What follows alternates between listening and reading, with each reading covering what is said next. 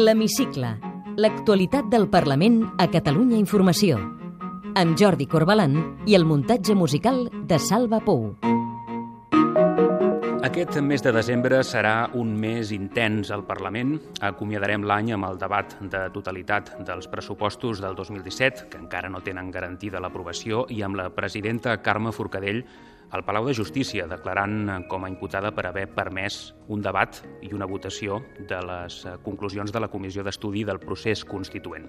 Hem volgut aprofitar que aquesta setmana es redueix l'activitat parlamentària per fer un parèntesi en el format habitual de l'hemicicle i hem convidat la presidenta Carme Forcadell. Presidenta, gràcies per haver acceptat la invitació i rebre'ns aquí al despatx d'audiències del Parlament. Gràcies a vosaltres per convidar-me i per venir aquí.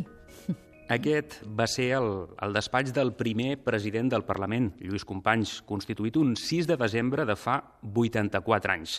Se sent, en certa manera, hereva de la història?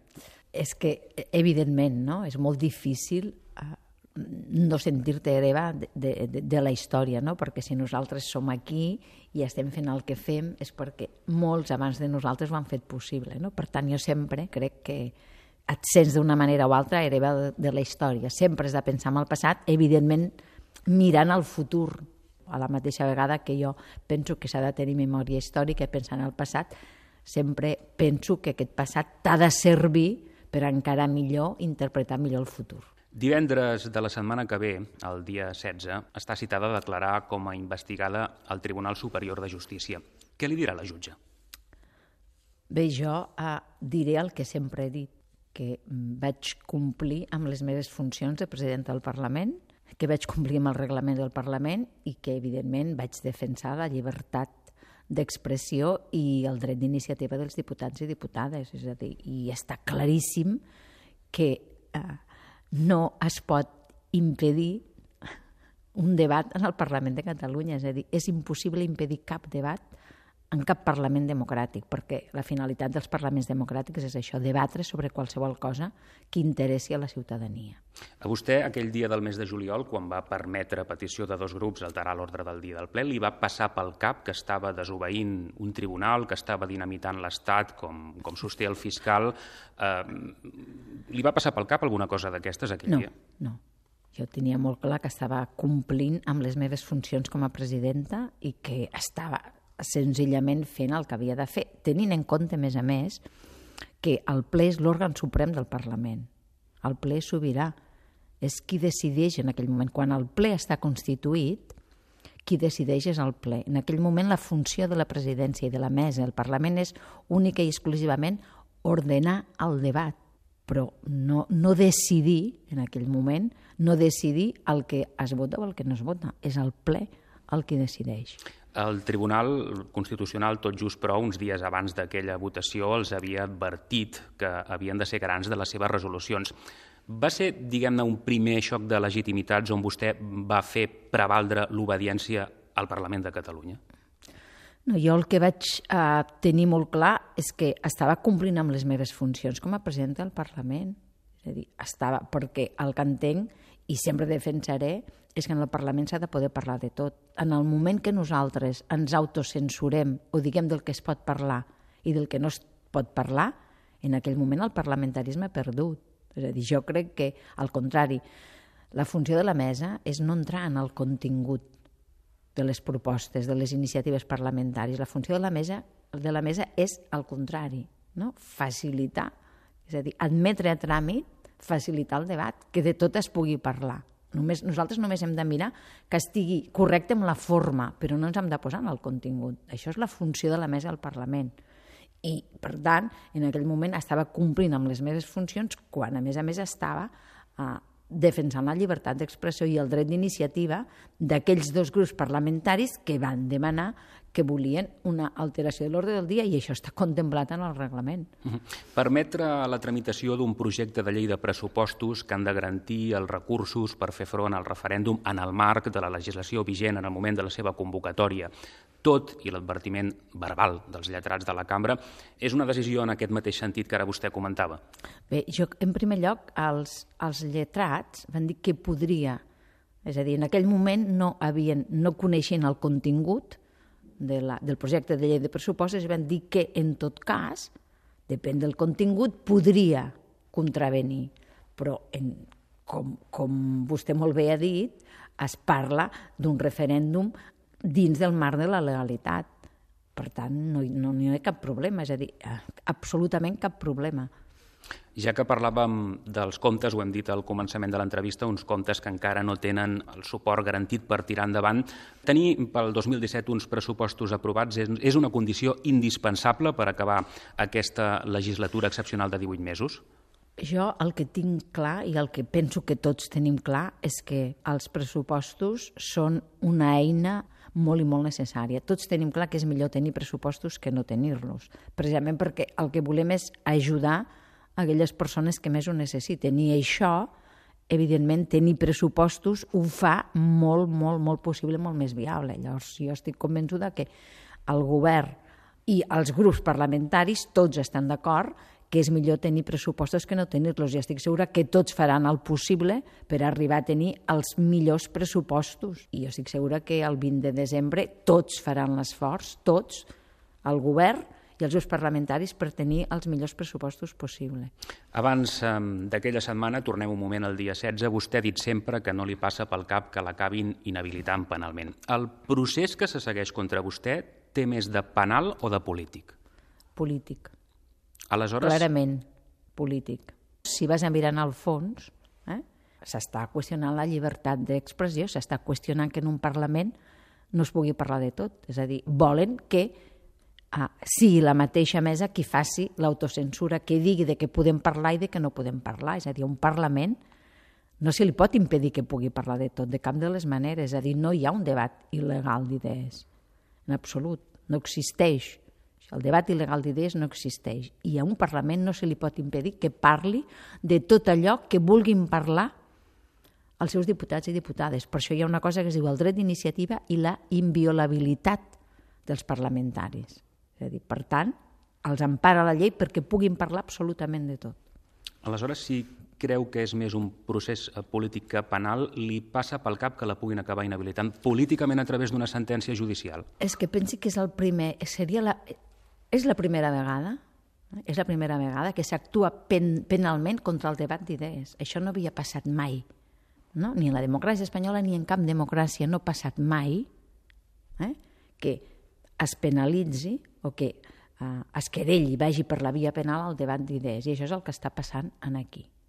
Això seria un desprestigi tan gros que jo no m'ho puc imaginar. Eh? És a dir, per tant, a mi la inhabilitació ni me la plantejo ni em passa pel cap, perquè seria un precedent antidemocràtic que evidentment desprestigiaria tant a l'estat espanyol que crec que ell és el primer interessat en que això no sigui així.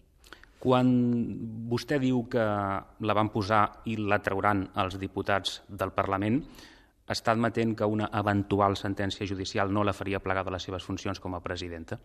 No, jo l'únic que estic dient és que en democràcia quan s'acaba el període parlamentari perquè es convoquen eleccions és quan s'acaba el mandat del president del Parlament i per tant jo l'únic que contemplo és que quan tornin a haver eleccions en aquest Parlament doncs hi hagi un altre president o presidenta perquè la triaran els diputats o diputades. Jo només contemplo aquesta, aquesta via. Hem sentit algunes veus aquests últims dies que han plantejat l'escenari o un eventual escenari d'avançar el referèndum en cas que abans del mes de setembre acabessin inhabilitant-la a vostè, a la presidenta del Parlament.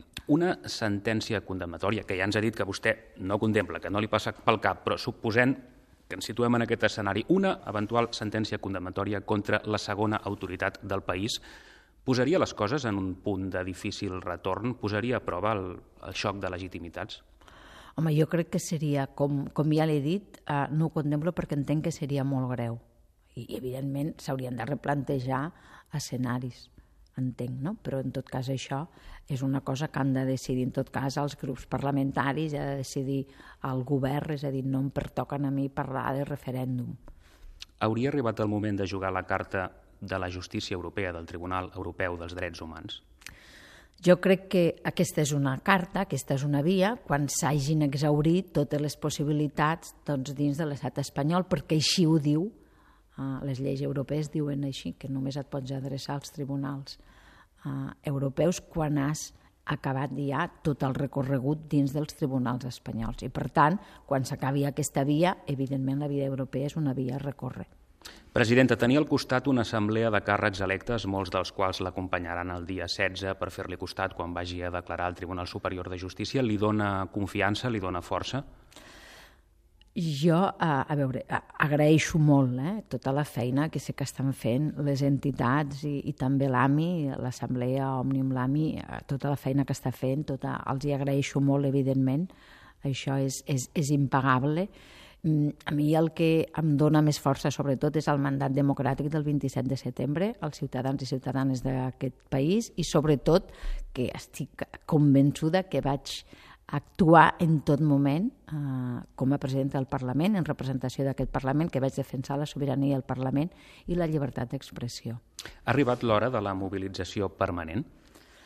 Bueno, que, això és una cosa, en tot cas, que han de decidir les entitats i l'AMI, no? no? No ens pertoca des del Parlament dir el que, el, el que han de decidir o el que han de fer les, les entitats. Jo crec que això és una cosa que han de decidir elles, no? Però el que està molt clar és que nosaltres som on som i hem arribat on som i estem en aquest moment perquè mm, aquest país, els ciutadans i ciutadanes d'aquest país, han sortit al carrer i han demostrat la seva voluntat continuada any rere any. No? Si no hagués estat per això, per aquesta mobilització dels ciutadans i ciutadanes, no seríem on som. No? Per tant, la mobilització eh, sempre, sempre és important, però això és important per aconseguir qualsevol cosa, no? és a dir, per aconseguir millores socials, millores polítiques, qualsevol sempre és molt important la participació i la mobilització dels ciutadans. De la cimera de les forces polítiques i socials favorables al dret a l'autodeterminació que s'ha de fer aquí al Parlament, tal com es va acordar en el debat de política general, n'han de sortir passos ferms, senyals clars cap al referèndum?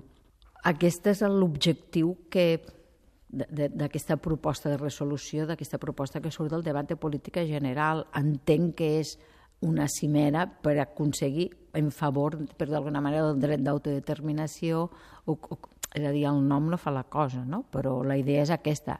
Es digui com es vulgui, suposo que la idea és que en aquest país hi ha més d'un 80% de ciutadans i ciutadanes que estan d'acord en fer el referèndum, doncs una manera de materialitzar-ho. L'últim baròmetre del Centre d'Estudis d'Opinió, el CEO, donava mm, el que en diuen un empat tècnic entre favorables i contraris a la independència. Segons aquest baròmetre, la majoria de diputats independentistes que actualment eh, sumen Junts pel Sí la CUP podria no repetir-se en una de les forquilles mm. d'aquests escenaris si es fessin ara eleccions. Vostè, que forma part d'aquesta majoria, com creu que podran eixamplar la base social de l'independentisme? Jo, abans de res, amb les enquestes tinc molt poca confiança, perquè si mirem totes les enquestes que s'han fet en les últimes eleccions, totes les enquestes no han funcionat i no han encertat, és a dir, s'han equivocat i molt. I, per tant, en aquest sentit, jo eh, l'únic eh, que dic i l'únic que defenso és votem i mirem-ho. És la, és la millor manera de saber-ho, no? Per tant, eh, si hi ha suport, si hi ha no suport, per això estem treballant, no? És a dir, fem un referèndum, que és el que va també proposar el president en la qüestió de confiança que, que, que va guanyar, el referèndum, doncs sabrem realment el suport que té. És l'única manera. Què n'espera, presidenta, de, de Catalunya sí que es pot i en general de l'àmbit dels, dels comuns en, en aquesta recta final del procés? Jo, eh, ells han defensat sempre el, el dret d'autodeterminació, l'han defensat sempre i el referèndum, i per tant jo espero que ho continuaran fent. La presidenta del Parlament creu en l'operació diàleg del govern espanyol o és només retòrica? Bueno, jo crec que és una operació monòleg, perquè quan et diuen eh, anem a parlar, però amb unes línies vermell, vermelles i del que es pot parlar i del que no es pot parlar, per mi això no és diàleg, per mi això és monòleg. Per vostè seria un gest que el govern espanyol desistís de contenciosos com els que han portat al Tribunal Constitucional la llei contra els desnonaments o els contenciosos que hi ha oberts contra els ajuntaments? N'espera algun de gest en aquest sentit? A mi el que m'agradaria és que els conflictes polítics es resolguessin políticament, que ara s'estan resolent judicialment. És a dir, ara eh, estem en un moment de judicialització constant de la política. I jo el que vull és que els conflictes polítics, com es fa en totes les democràcies, es resolguen políticament i no a través dels tribunals. Per tant, per mi, això evidentment que seria un gest. passa que no hi tinc cap, cap confiança en que sigui així, al contrari crec que continuaran en la mateixa línia. Aleshores, que la vicepresidenta del govern espanyol vingui sovint a Barcelona, que fins i tot hi tingui un despatx a la delegació del govern al carrer Mallorca, o que el vicepresident Junqueras la convidi per carta a veure si quedarà en moviments de distensió, en què quedarà tot això? Ah, de moment hi ha paraules. Quan hi hagi fets, en podem parlar. De moment, de fet, no n'hi ha hagut cap. Només hi ha hagut paraules. El president del govern espanyol, Mariano Rajoy, demana que no es frivolitzi amb la reforma de la Constitució que algunes forces polítiques espanyoles posen damunt la taula. La via de la reforma de la Constitució canviaria alguna cosa al futur polític de Catalunya? No, en absolut. La reforma que a nosaltres ens interessa ni la contemplen, per tant, no, no canviaria poder fer el referèndum no el podrem fer. Això ni es contempla, per tant, no ho canviaria. Que el president Puigdemont no assisteixi a la futura conferència de presidents autonòmics pot ser interpretat com una renúncia al diàleg? No, no, de cap manera. Jo crec que el president Puigdemont ha manifestat pel dret i pel revés que vol dialogar. Ho ha dit moltíssimes vegades. El que passa que ell també ha dit moltes vegades que mm, demana i vol una reunió bilateral perquè creu que, que, que ens la mereixem. No? Dimarts vostè era a Salrà, on rebatejaven la plaça de la Constitució amb el nom de Maria Mercè Marçal, un homenatge que vostè va aprofitar per demanar que no es tanquin mai els ulls davant les injustícies socials. Què els diria que està fent el Parlament, sobretot aquelles persones que ho estan passant malament? Doncs els diria que ens agradaria fer molt més perquè sé que, mm, que ho estan passant precisament molt malament.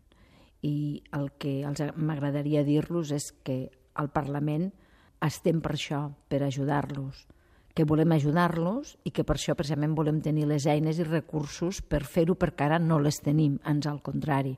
La llei d'emergència habitacional, és a dir, moltes lleis que hem fet per intentar tenir recursos per ajudar aquestes persones que més ho necessiten, precisament el Tribunal Constitucional no ens ha deixat portar-les a terme, però que malgrat així estem treballant. I sé que això no consola, per la persona que està passant malament. No? Sé que no consola, ho sé, i em sap molt greu no poder fer més en aquests moments, però sí que tenim uh, a l'horitzó que són els principals destinataris de les nostres polítiques i ho hem de ser. I, i ho, hem de, ho hem de fer perquè, perquè és el nostre deure i la nostra obligació.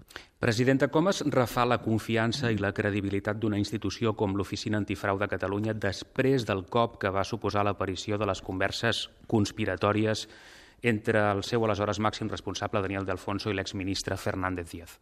Doncs jo crec que es resol amb molta transparència, amb molta voluntat, explicant molt bé les coses i crec que està ja molt ben encaminat.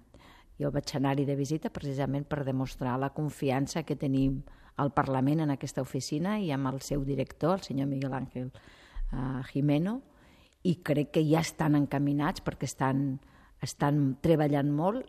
Evidentment va ser un cop molt dur, però també és veritat que va ser d'una persona concreta que era el director. Eh? És a dir, per tant, això també és de dir-ho, és a dir, no podem culpabilitzar tota la institució ni tota l'oficina per una cosa doncs, que ha fet una persona. I també crec que és molt important demostrar que en una setmana vam resoldre aquella situació, és a dir, un temps rècord, des de que van sortir les primeres notícies no? d'aquella situació tan, diguéssim, tan greu, en una setmana vam, eh, diguéssim, destituir en l'antic director i vam posar el nou, no? I una persona, diguéssim, eh, que, que realment va fer un discurs i va explicar el que volia fer i, per tant, jo crec que ja s'ha començat a treballar en aquesta línia, que no serà ràpid, però que ja estem treballant. Una de les fites que es marcava la presidenta Forcadell a l'inici del mandat és la d'anar fent passes en aquesta direcció per tenir el que vostè anomenava un Parlament amb les parets de vidre. S'està avançant prou? Creu que aquesta feina està arribant als ciutadans?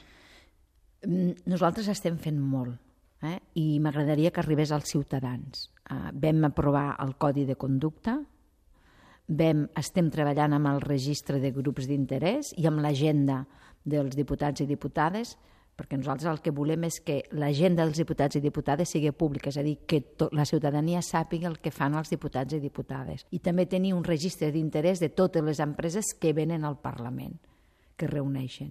Jo crec que això és allò que dèiem de la transparència, que evidentment la transparència és una eina molt, molt eficaç en contra de la corrupció. I quan dic les parets de vidre vol dir això, un Parlament net de corrupció i que tots els ciutadans puguin fiscalitzar què fan o què deixen de fer els diputats i diputades. I amb això estem treballant.